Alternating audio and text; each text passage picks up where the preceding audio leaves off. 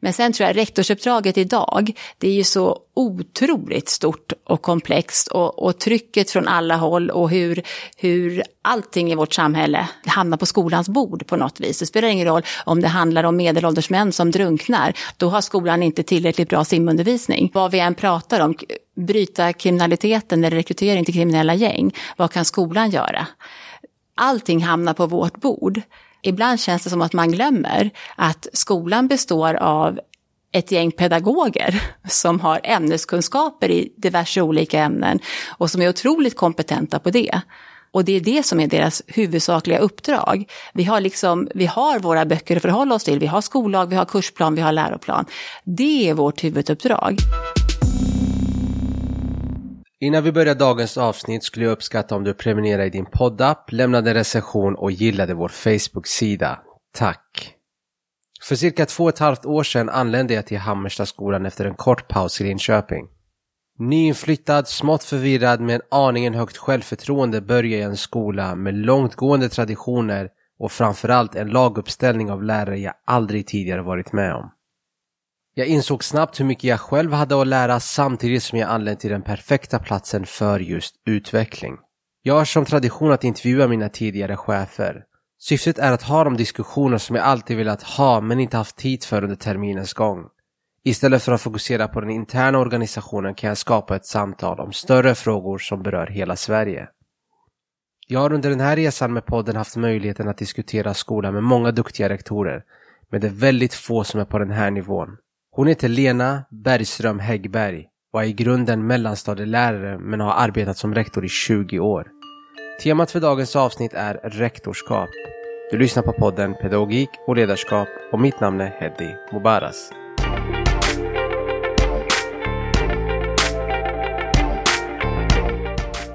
Lena Bergström Häggberg. Yes. Välkommen till min podd. Det här är någonting jag brukar göra. Jag har gjort det en gång tidigare och jag tänker att det ska bli en tradition att jag intervjuar min tidigare chef. Okej. Okay. Nu har ju du varit min chef i två och ett halvt år. Så att alla vet om jag skulle hypa upp dig så är det inte för att jag får några fördelar för jag kommer inte vara kvar här i fortsättningen. Exakt. Du är i grunden mellanstadielärare. Ja. Du har varit skolledare i cirka 20 år här i Botkyrka. Ja majoriteten som biträdande men och sen fem år som eh, huvudrektor. Mm. Jag vill börja med att prata om ekonomi. För ekonomi är ett ämne som eh, vi kom i kontakt med väldigt tidigt när jag kom till den här skolan. Jag läser en artikel om dig som släpptes 2018, alltså två år innan jag kommer till Hammerstaskolan. Den har titeln En skola som bryr sig, vilket absolut är Hammersta. Men en viktig central del i den här artikeln som lyfts upp är antalet lärarassistenter som fanns på skolan då. Jag tror du räknar upp det till fem stycken i olika former i olika stadier. Stämmer. Klipp till 2020 när du gör din karriärs bästa beslut att anställa mig, dina ord inte mina. Eh, så är det första APTn om nedskärningar. Ja. Jag vill veta vad händer från den här artikeln som skrivs klipp till 2020. Vad var det som hände däremellan? 2018, det var ju, det var ju mitt första år här kan man säga. Och när, vi, när jag började här så hade vi ett underskott på drygt 4 miljoner. Eh, och eh, det skulle ju börja betas av. Så är det ju. Eh, för vi ska ha en budget i balans, det är ett uppdrag som jag har alltid. Eh, och eh, till då 2018 var vi tvungen att, vi var tvungen helt enkelt att effektivisera och dra ner på personal, för det är personal som kostar i vår värld. Eh, så det som hände var helt enkelt att vi fick i uppdrag att minska kostymen utifrån vår budget. Jag har ju träffat eh, personer från den privata sektorn inom skolans värld. De har alltid argumentet, men alltså om du jobbar som rektor i en kommunal skola kan du alltid skjuta det här eh, underskottet till nästa år och kommunen tar hand om det mer eller mindre. Hur tänker du när du hör någonting sånt? att det inte stämmer. Eh, det stämmer inte. Sen, sen är det ju så att om du har ett underskott på 4 miljoner så kan du inte, det kan du inte nolla på ett år. Det behövs tid. Så, så att jag får ju som en avbetalningsplan, eller hur man nu ska uttrycka det, att eh, så här mycket första året och sen fortsätter vi. Så att jag får ju, vad ska man säga, jag får lov att gå med ett visst underskott så länge, jag, så länge jag håller mig till det underskottet för att krympa det så att jag hamnar på noll. Och det har ju tagit oss fyra år drygt till och med fem nästan faktiskt, för att hamna med budget i balans. Och då är det ju effektiviseringar och att vi har tillsammans också varit eh, snåla. Vi har ju inte handlat, vi har liksom försökt använda det vi har, vi har försökt eh, hårdprioritera våra måsten. Men å andra sidan har vi försökt behålla kvaliteten med personal, med behöriga lärare, för att ändå ha kvaliteten i verksamheten. Men det har ju såklart påverkat antalet trygghetsskapande personer runt omkring eleverna. Om vi ska sätta det i någon kontext, 4 miljoner, vad motsvarar det ungefär i skolans värld? Oj, ja det motsvarar ju kanske sex tjänster. Vad jag får höra är ju att för just nu presterar vi väl betygsmässigt bäst i norra Botkyrka. Så någonting har ju hänt under de här åren och prestationerna har gått upp.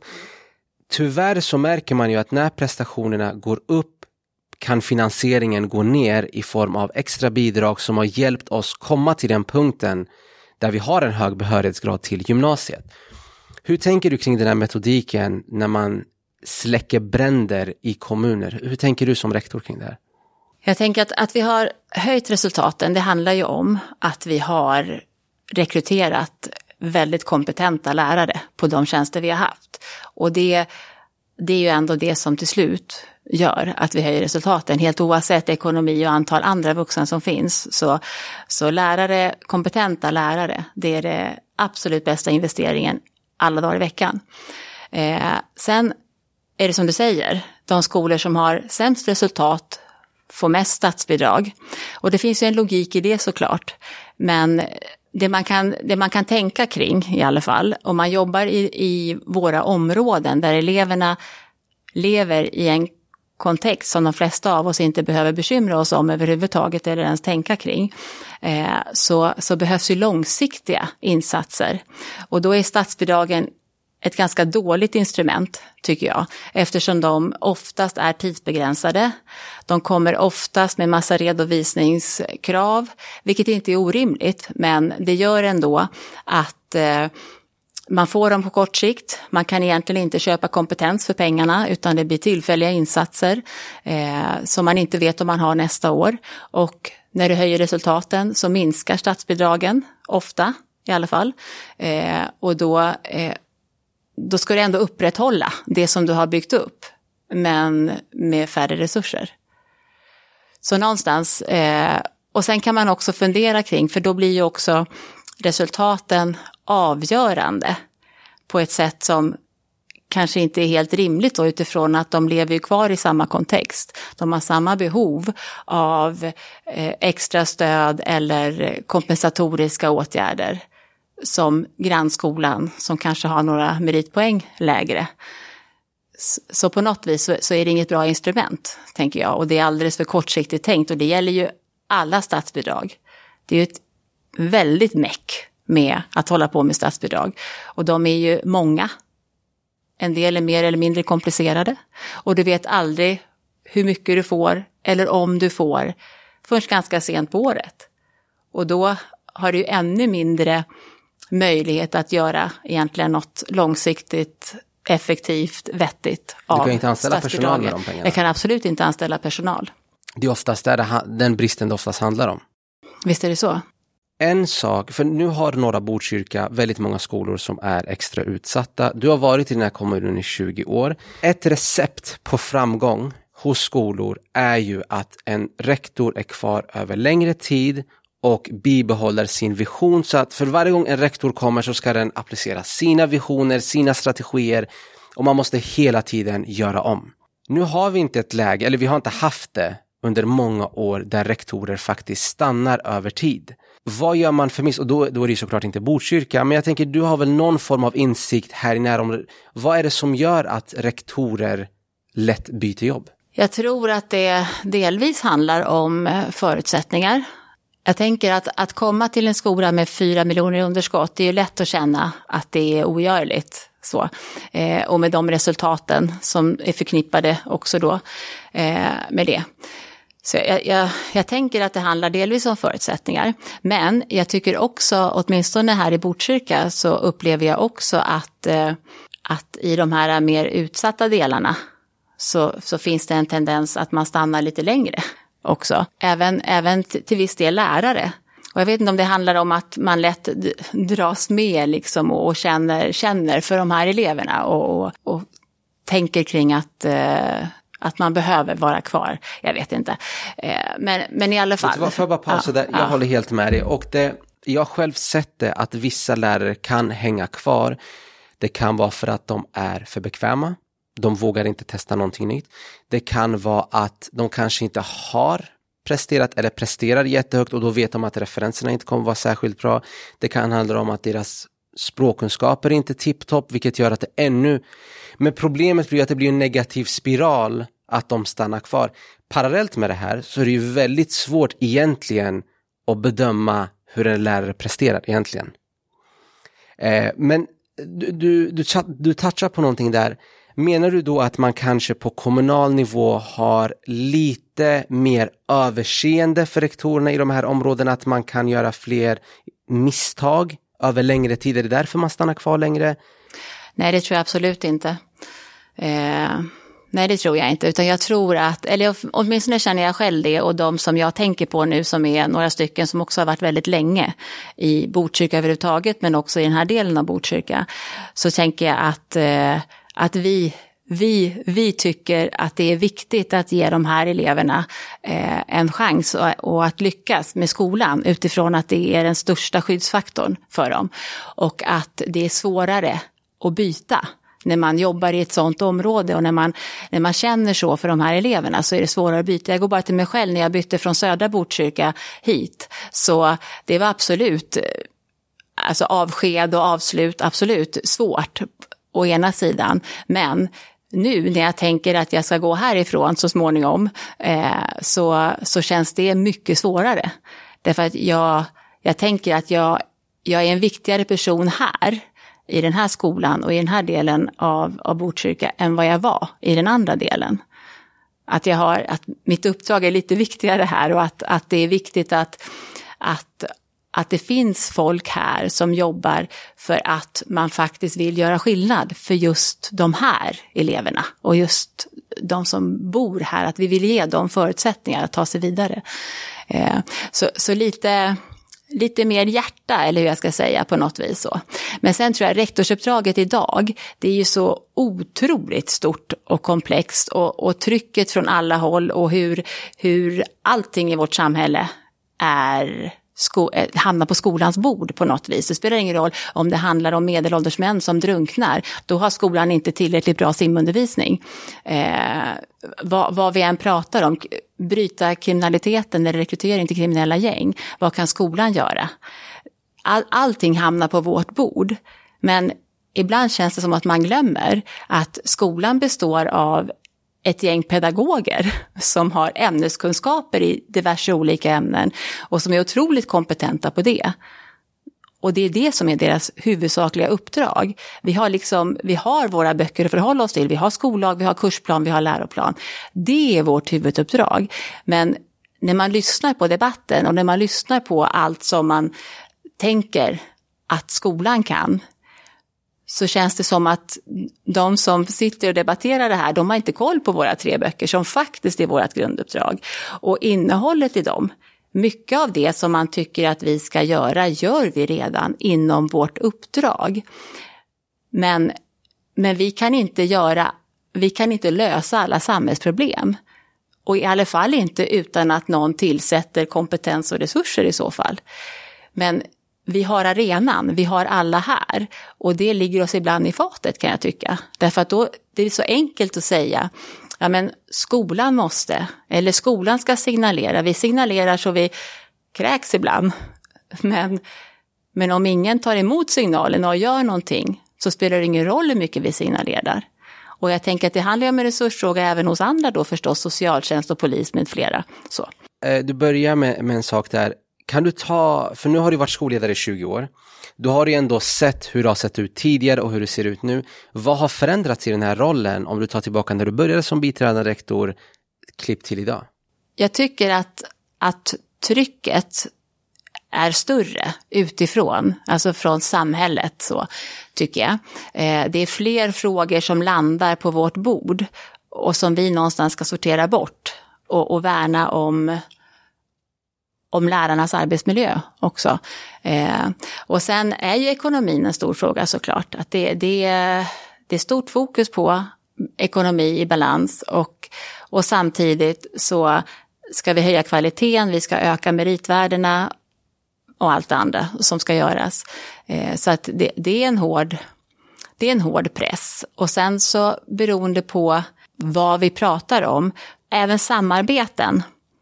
När vi ska samarbeta med olika parter så, så blir det så lätt att vi blir utförare och sen så ska någon stötta oss i det jobbet. Men för mig så är samarbete det att alla gör. Så, inte att någon gör och någon stöttar, utan alla gör.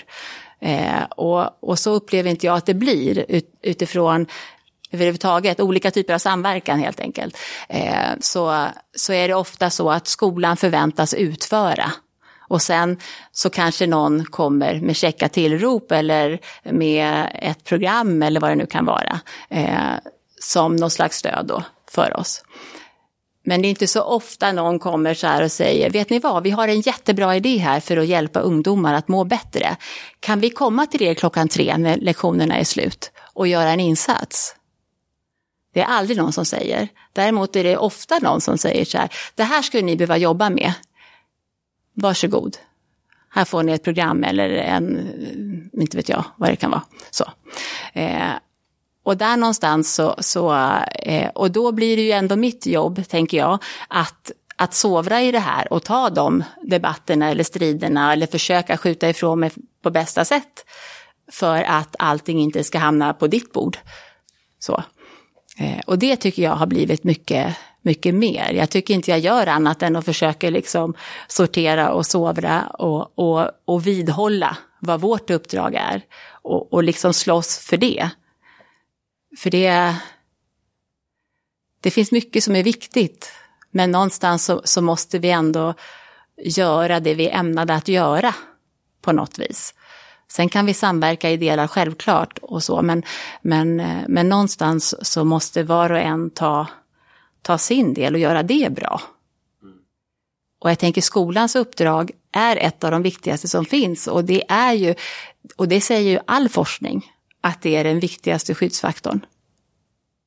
Utöver familj förstås, men alltså det är ju så. Och den största, en av de största riskfaktorerna dessutom om det inte går bra.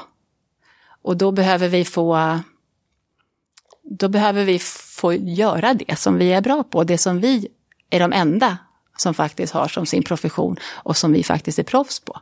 Så. Och det, det tycker jag man tappar bort många gånger. Jag vill prata om lärarlöner. I dagsläget är Botkyrka kommun bland de högsta. Jag tror det är Huddinge eller Haninge som ligger strax över, ja. sista titta. Jag fick ju en verklighetschock nu när jag sökte till en mindre kommun. Den här lönenivån påverkar ju såklart vårt dagliga arbete. Hög lönenivå lika med mindre pengar till annat. Jag var så naiv i början och trodde att det alltid fanns pengar till lärare som en separat pott, men så är det verkligen inte. Jag hade en tidigare medmentor som hade jobbat i skolan i väldigt många år och hon sa ju mer utsatt skolan är, och då pratar vi inte område, utan då pratar vi om internt utsatt skolan är, att många lärare slutar, att det är dålig arbetsmiljö, oftast korrelerar med högre löner på den skolan, för man vill få dit lärare. Jag tänker, det är samma sak på kommunnivå. Det finns en anledning varför Botkyrka lägger sig så högt för att man vill attrahera och locka dit lärare. Jag vill börja med första frågan. Hur tänker du kring lönesättningen i Botkyrka? Jag tycker också att vi har ett väldigt högt löneläge och det är väldigt svårt att, eh, att ligga så högt. Inte bara utifrån eh, att det blir dyrt, för det blir det ju. Så, så dels det, men, men det blir också en märklig situation eh, när vi har lärare som kanske har jobbat i 15 år och ligger lägre än någon knappt torkat bläcket på lärarlegitimationen och vill ha 3-4 tusen mer än, än, än det gamla gardet så att säga, som har jobbat ett antal år och som sitter på erfarenheten eh, många gånger. Så, eh, så att det, det, är svårt och det är svårt också att upprätthålla eh, hur ska man säga, eh, inte moralen, det är fel ord, men förstår vad jag menar, det är svårt, det är svårt att motivera faktiskt. Eh, det är tråkiga samtal att ha. Eh, och, och där tycker jag också att man inte har, inte har tänkt kring det utifrån lönesatsningar, tycker jag.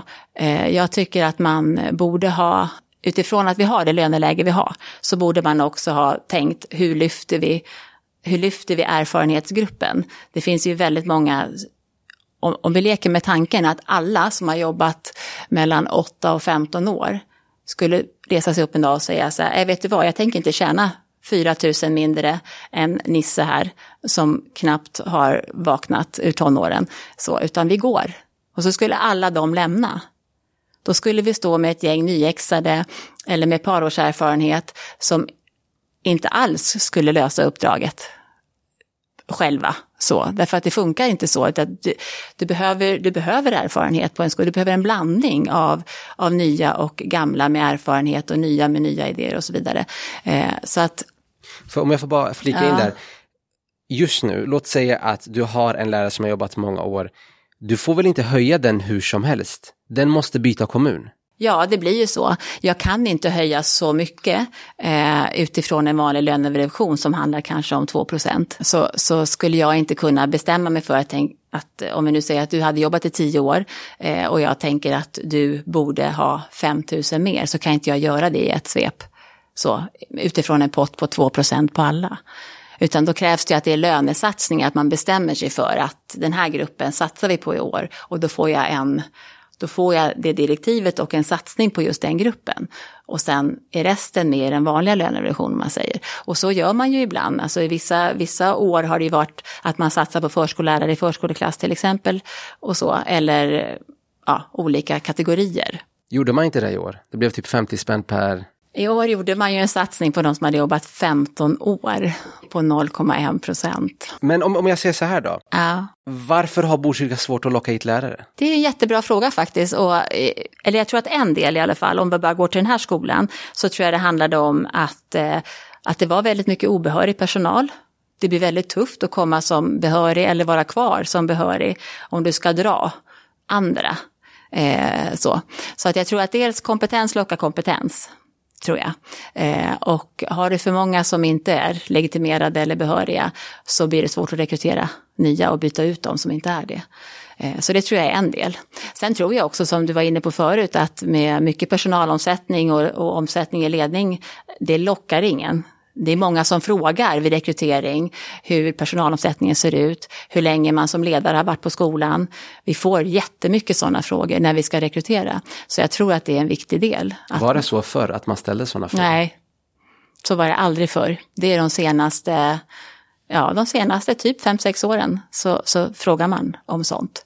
Eh, så att jag tror att eh, från det här, sen så var det ju lite avstannande, alla det var ju nästan ingen personalomsättning under corona. Då, då, då, var alla lite mer oroliga om man stannade kvar på sina jobb. Eh, och det tror jag är generellt, inte bara i Botkyrka. Men eh, under en period var det precis som du sa då att, att när man ville höja lärarlönerna, när man ville få upp sin egen lön, så var det ju jättemånga som hoppade till kanske ett par kommuner under en ganska kort period.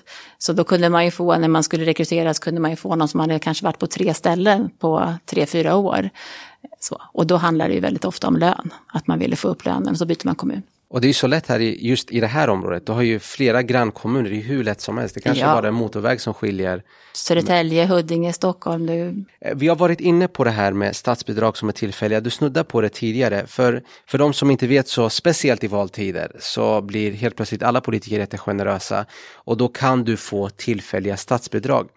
Min fråga är, har ni som rektorsgrupp nu tar vi bara Botkyrka som exempel, signalera till kommunerna att de här statsbidrag, tillfälliga statsbidragen gör det jättekomplicerat och jättesvårt att bedriva verksamhet på sikt. Jag tänker att det är en sån här evighetsdiskussionsfråga. Sen är det ju inte politikerna på kommunal nivå som styr över statsbidragen. Så, och jag tror att alla är väldigt överens om, även på, på ledningsnivå i kommunen, att det är ganska Eh, det är ett ganska tungt jobb att hålla på med statsbidragen för du ska ju söka dem och sen så ska du redovisa dem. Och, och det är inte bara att skicka in vi skulle vilja ha utan det är ju ansökningshandlingar helt enkelt. Så, eh, så att jag tror att eh, det är många som önskar att man skulle bara dela ut pengarna istället.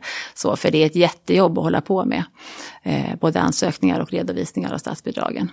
Och sen vet man ju som sagt inte om man får och hur mycket man får. Och då ska ju nästa process igång när man väl har fått statsbidraget då, för det är alltid huvudmannen som söker. Eh, då ska du sen fördela dem på de skolor du har. Så då, det är mycket jobb för de här pengarna. Så är det. Sen så skulle vi inte klara oss utan dem kan jag säga. Det, det är ju i stort sett våran drift. Just det, men i rektorsgruppen blir det diskussioner kring så här varför ena skolan får mycket mer än den andra eller? Inte så mycket jag tycker, faktiskt. Jag ser en idol-audition ja. framför mig där alla ska motivera varför de ska ja, få precis. pengar. Nej, men vi, vi ansöker ju, och vår sida då till kommunen, så.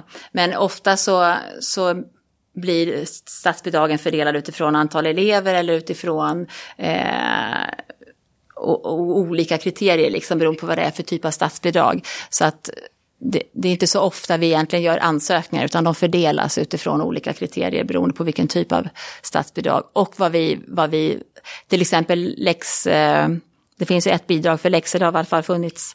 Eh, och då får man redovisa hur många elever man erbjuder läxhjälp och hur många vuxna som jobbar och sådär. Och så får man då utifrån det.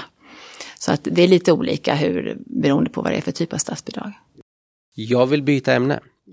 Rubriken är problematiska elever. Eh, det finns elever som konstant gör bort sig i svensk skola. Och vad jag menar med gör bort sig, klassrumsklimatet kanske inte är hundra för den enskilda eleven. Det rör sig om en minoritet, men konsekvenserna för det enskilda klassrummet kan bli drastiska. År efter år är vi i skolan, och det här är mina reflektioner, är vi väldigt snabba på att hitta förklaringar till beteendet, påpekar det, okej okay, vi har hittat orsaken, men sen händer inte mycket mer. Det här kan vara kopplat till vad du tidigare var inne på, att väldigt mycket hamnar i vårt knä.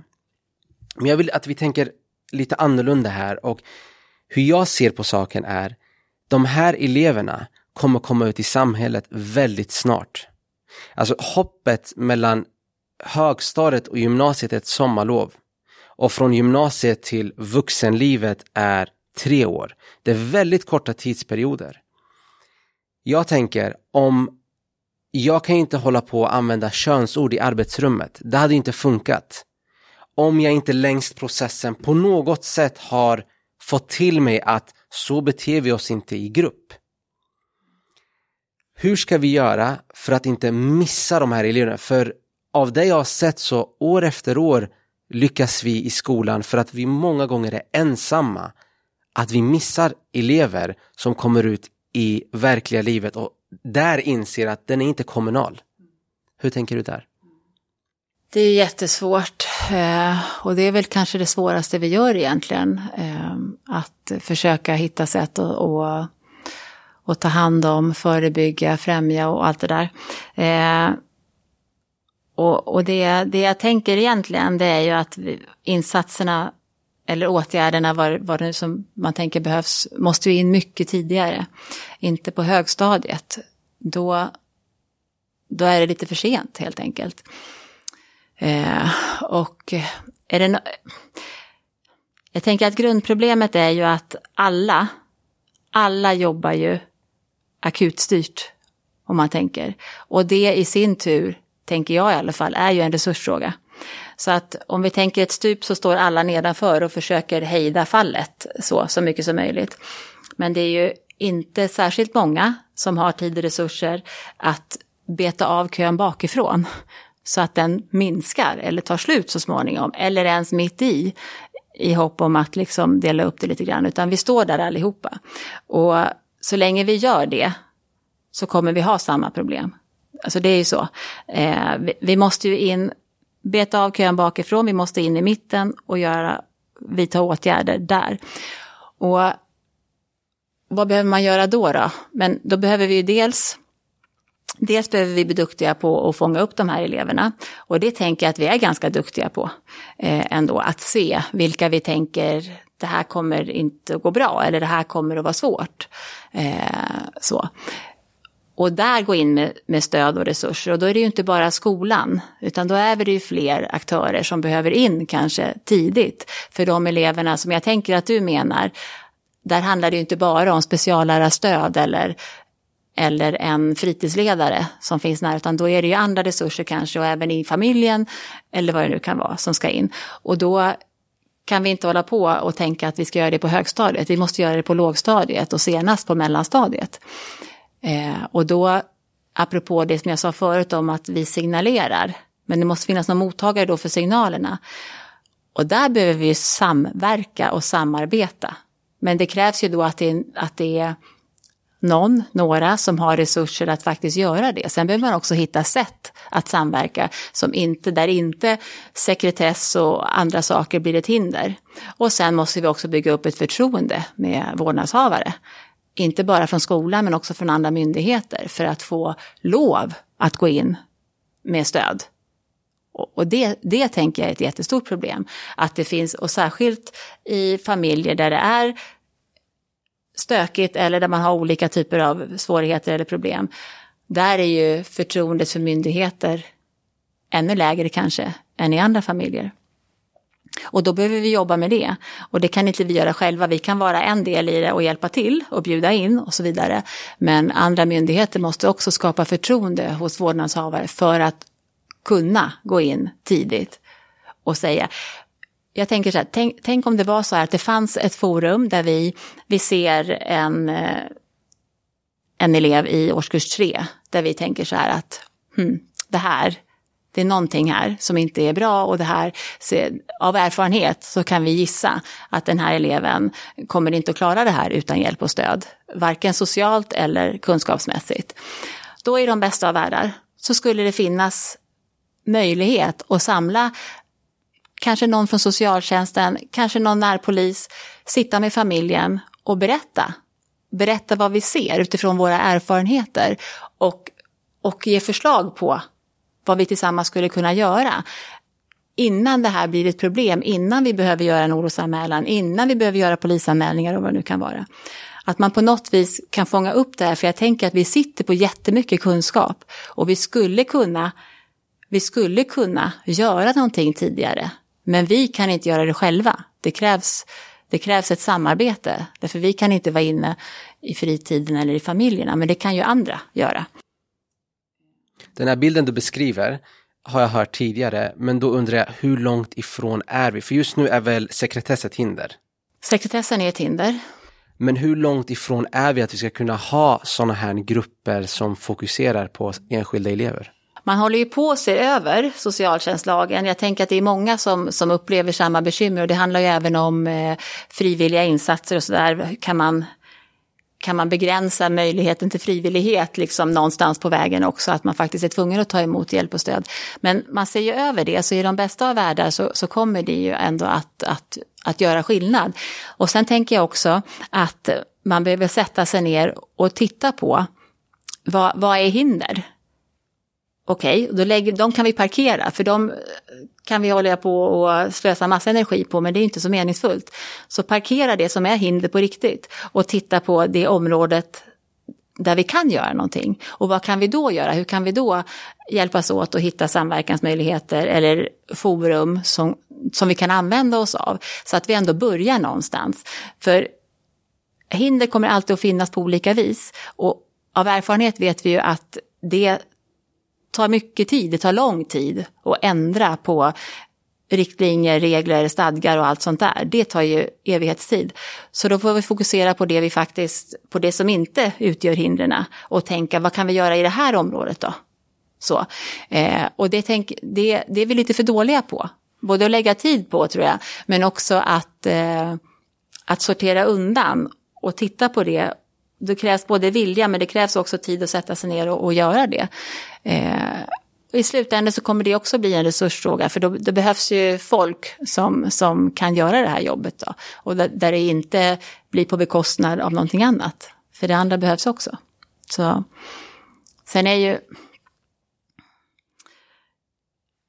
Ibland, ibland kan man, ja nu kanske jag tappar fokus här, men jag tänker ibland att, att utbildningsförvaltningen oavsett vilken kommun du väljer är ju störst överallt. Liksom, vi, vi är flest, vi är störst. Alla barn och unga i hela kommunen finns ju hos oss. Så. Eh, och vi har ofta inte så mycket att säga till om i det där sista steget, du vet när det handlar om eh, hur det ska göras, vilka system som ska användas och sådär. Så, eller jag, jag upplever ibland att vi, utifrån att vi är störst, så tycker jag vi har för lite påverkan på annat. Jag tänker ändå Pratar att... du då alltså i kommunhuset att det är flest människor som är involverade med just utbildning? Ja, det är ju den största förvaltningen. Utbildningsförvaltningen är den största förvaltningen. Så. Eh, men det är inte så ofta, tänker jag, eh, att någon kommer ner och säger så här, hmm, hur tänker ni på utbildningsförvaltningen? Eller vad, vad tänker ni i skolan kring de här sakerna? Det är inte så ofta man på riktigt frågar hur vi tänker kring olika saker eller vad vi, vad vi ser för nytta eller behov av olika system eller insatser, vad det nu kan vara. Så. Eh, och, och, det, jag tänker man lyssnar nu när det är valtider och lyssnar på debatterna så tycker jag att det spelar ingen roll vem man lyssnar på. Så, så, så tänker man alltid har någon av dem där varit i en skola de senaste tio åren och ställt några vettiga frågor och tagit reda på någonting? Ja, för det där är intressant, för det skulle vara min nästa fråga. För om man tittar nu på vad som diskuteras i de här politiska forumen är ju det här med ordning och reda i klassrummen. Väldigt många partier har fått det att se ut som att det är katastrofalt i varenda klassrum i Sverige. Vad tänker du när du hör de här diskussionerna? Jag blir tokig. Och jag tänker igen, när, när var någon senast på riktigt ute och följde en vecka i en skola, en klass eller så? Jag tror inte det har hänt och man, man pratar om det här eh, utifrån någon slags, det är ungefär som när vi får besök hit till Hammersta. Då nästan varje gång det är någon som är här första gången, så när de går härifrån så säger de så här, men gud det är ju jättelugnt här, vilken trevlig stämning ni har och vad artiga och trevliga eleverna är. Man kommer hit med en bild av att man ska komma till någon slags kaos där alla skriker könsord efter en när man kommer. Och sen blir man jätteförvånad och jag tänker, var, var, var, kommer den bilden ifrån? Varför tror man att det är så? Men man matas ju med det här hela tiden. Att det är kaos och att det är med mobilförbud och ordning och reda och konsekvenstrappor hit och dit. Så.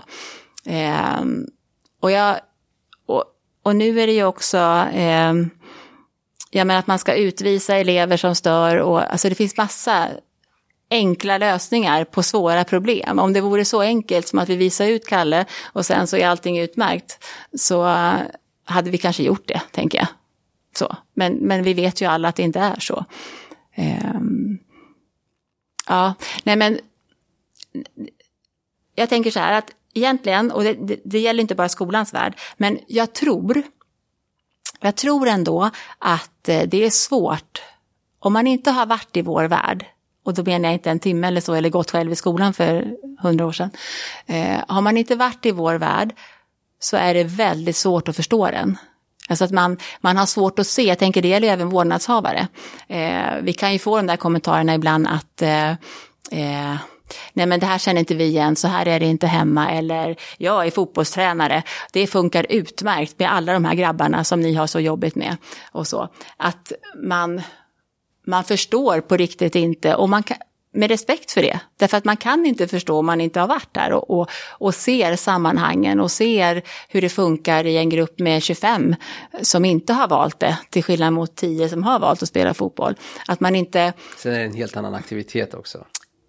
Ja, men man, du har ju valt den dessutom och vill så. Eh, men i alla fall, men förstår vad jag menar, just det här att, att det är svårt att sätta sig in i. Och jag tänker att ska man då fatta beslut om den här verksamheten, viktiga beslut som påverkar den här verksamheten, så tänker jag att det minsta man kunde begära är ju att man har varit i en skola på senaste tiden och faktiskt i minst en vecka och faktiskt varit med och sett så att man vet vad det är man fattar beslut om. För så känns det inte när man lyssnar på debatten. Då är det de här enkla, snabba och de kanske vet mer och förstår bättre än vad det låter därför att det är debatt på tv. Jag vet inte. Men ibland så känns det som att det saknas riktig kunskap om hur det faktiskt fungerar i en vanlig kommunal skola idag. Ja, alltså sen de här partiledardebatterna är rätt meningslösa för de kan, de kan ju, man kan inte förvänta sig att en person ska kunna så mycket om alla Nej. de här segmenten, de ska kunna om exakt. kärnkraft eller ej, Nej. de ska kunna om brottslighet skola. Precis, Så det blir, eh, jag tycker inte det är så roligt att titta på. Men jag vill, du är inne på lite lätt på en sak. Nu, för de som inte vet, så finns det skillnad på norra och södra Botkyrka. Du har jobbat i båda, det är socioekonomiska skillnader. Du pratar om att människor vill komma och peta lite i verksamheten och prata om hur du ska sköta det som rektor eller hur en enskild lärare ska. Finns det någon skillnad i Norsborg och, nu vet jag inte var du jobbade tidigare, eh, i södra Botkyrka. Finns det någon skillnad i hur benägna föräldrarna är att lägga sig i? Ja, det gör det. Eh, det är stor skillnad skulle jag säga. Och det handlar ju dels om att eh, det är en högre utbildningsnivå i andra delar av, av kommunen. Och man, man vet man vet mycket mer, man har koll på sina rättigheter, man ställer krav på ett annat sätt, man ifrågasätter på ett annat sätt. Eh, här är man mer, eller min upplevelse är att man är mer fokuserad på trygghet och att man inte eh, på samma sätt känner till vilka rättigheter man har och ställer krav på det sättet. Eh, utan eh, här är det mer, det är fokus på trygghet, man blir väldigt upprörd om, eh, ja, om ens barn blir kränkt eller om det händer andra saker som gör att man blir orolig. Då kommer man och söker upp oss som skolledning här och, och vill veta hur, hur ska vi känna oss trygga. Eh, Medan i, i andra delar så är man inte nöjd med undervisningen eller med, med boken eller med betyget, då kommer man till oss och eh, talar om hur vi borde göra istället. Så, så att det är jättestor skillnad och det handlar ju också om eh, allt från utbildningsnivå men också språkligt, att man eh, kan argumentera och föra sin talan på ett annat sätt. Eh, och det gäller såklart inte alla, men generellt skulle jag säga att det är den stora skillnaden. Att eh, man har en högre utbildningsnivå, man man kan, man kan sina rättigheter och, och kräver också på ett helt annat sätt. Innan vi går till nästa rubrik så har jag något om resursklasser. För det är återigen tillbaka till politiken så är det jättemycket nu i media att vi ska återinföra resursklasser, att det ska bli mycket enklare för dig att föra en elev dit om den inte skulle klara av. Eh, för de som inte vet, resursklasser är när du har mycket fler lärare på antalet elever och det är en väldigt eh, vad ska man säga, pengar, in, kapitalintensiv läroform kan man säga. För du kräver mycket fler lärare per elev. Hur Ofta specialiserade kanske på, utifrån olika NPF-diagnoser till exempel, neuropsykiatriska. Precis. Till exempel. Och hur tänker du kring den här retoriken mm. och de här lösningarna? Ja, jag tänker att det behövs.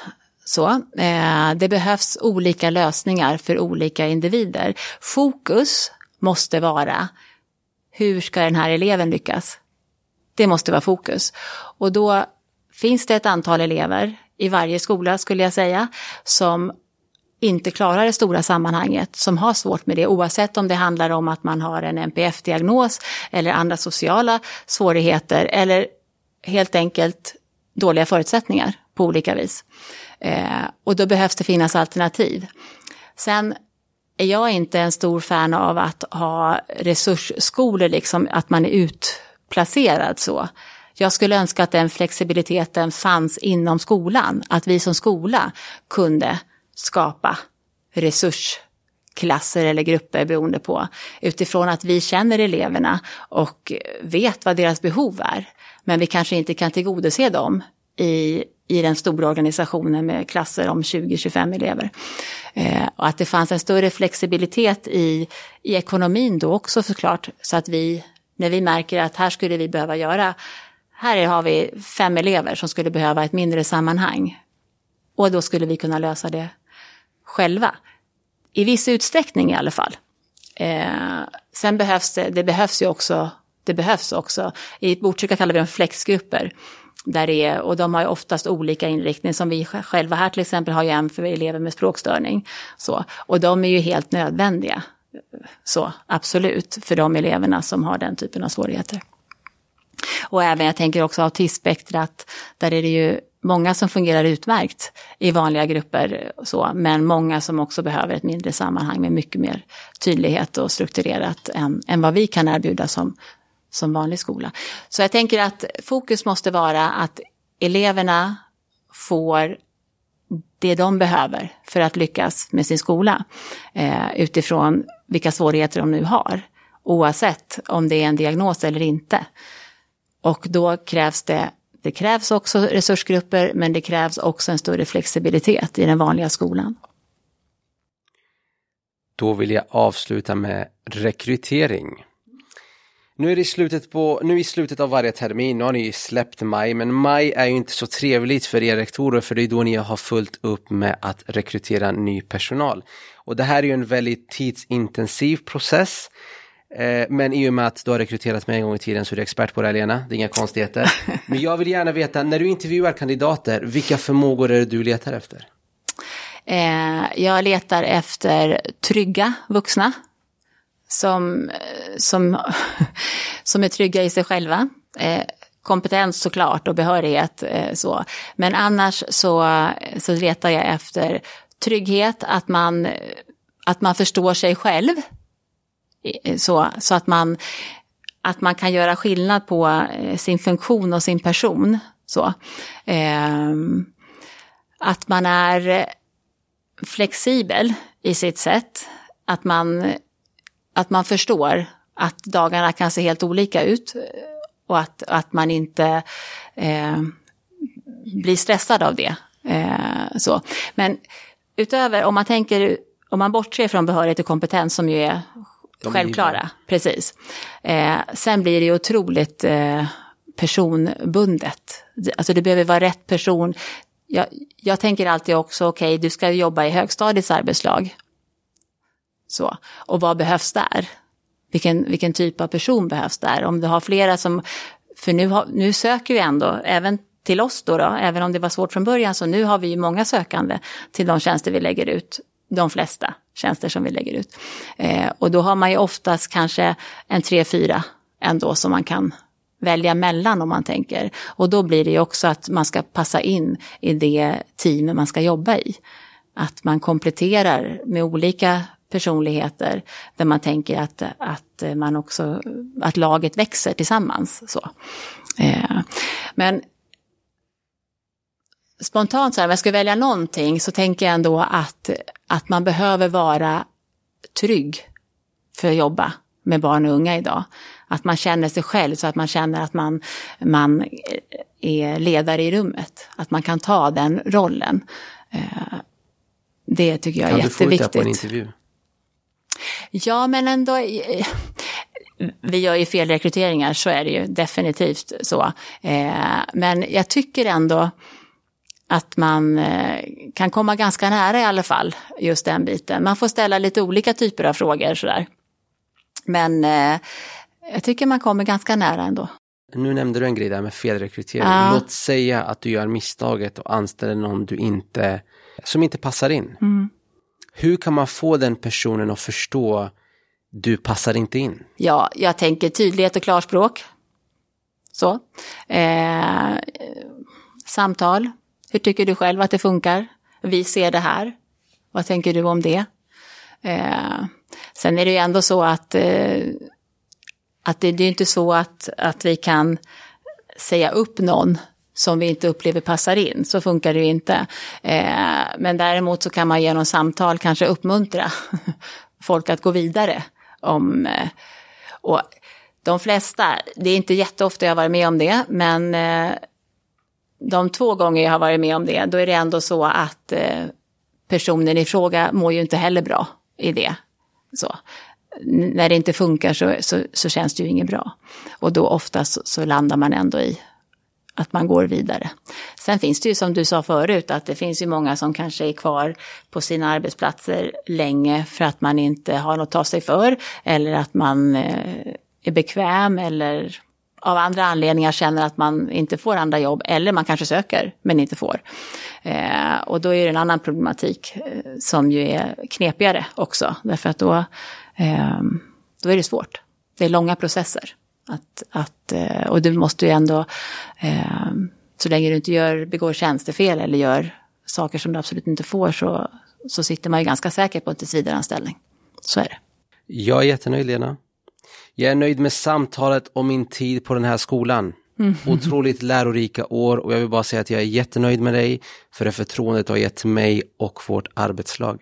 Mm. Vad roligt. Vi kommer att sakna dig. Jag kommer sakna er.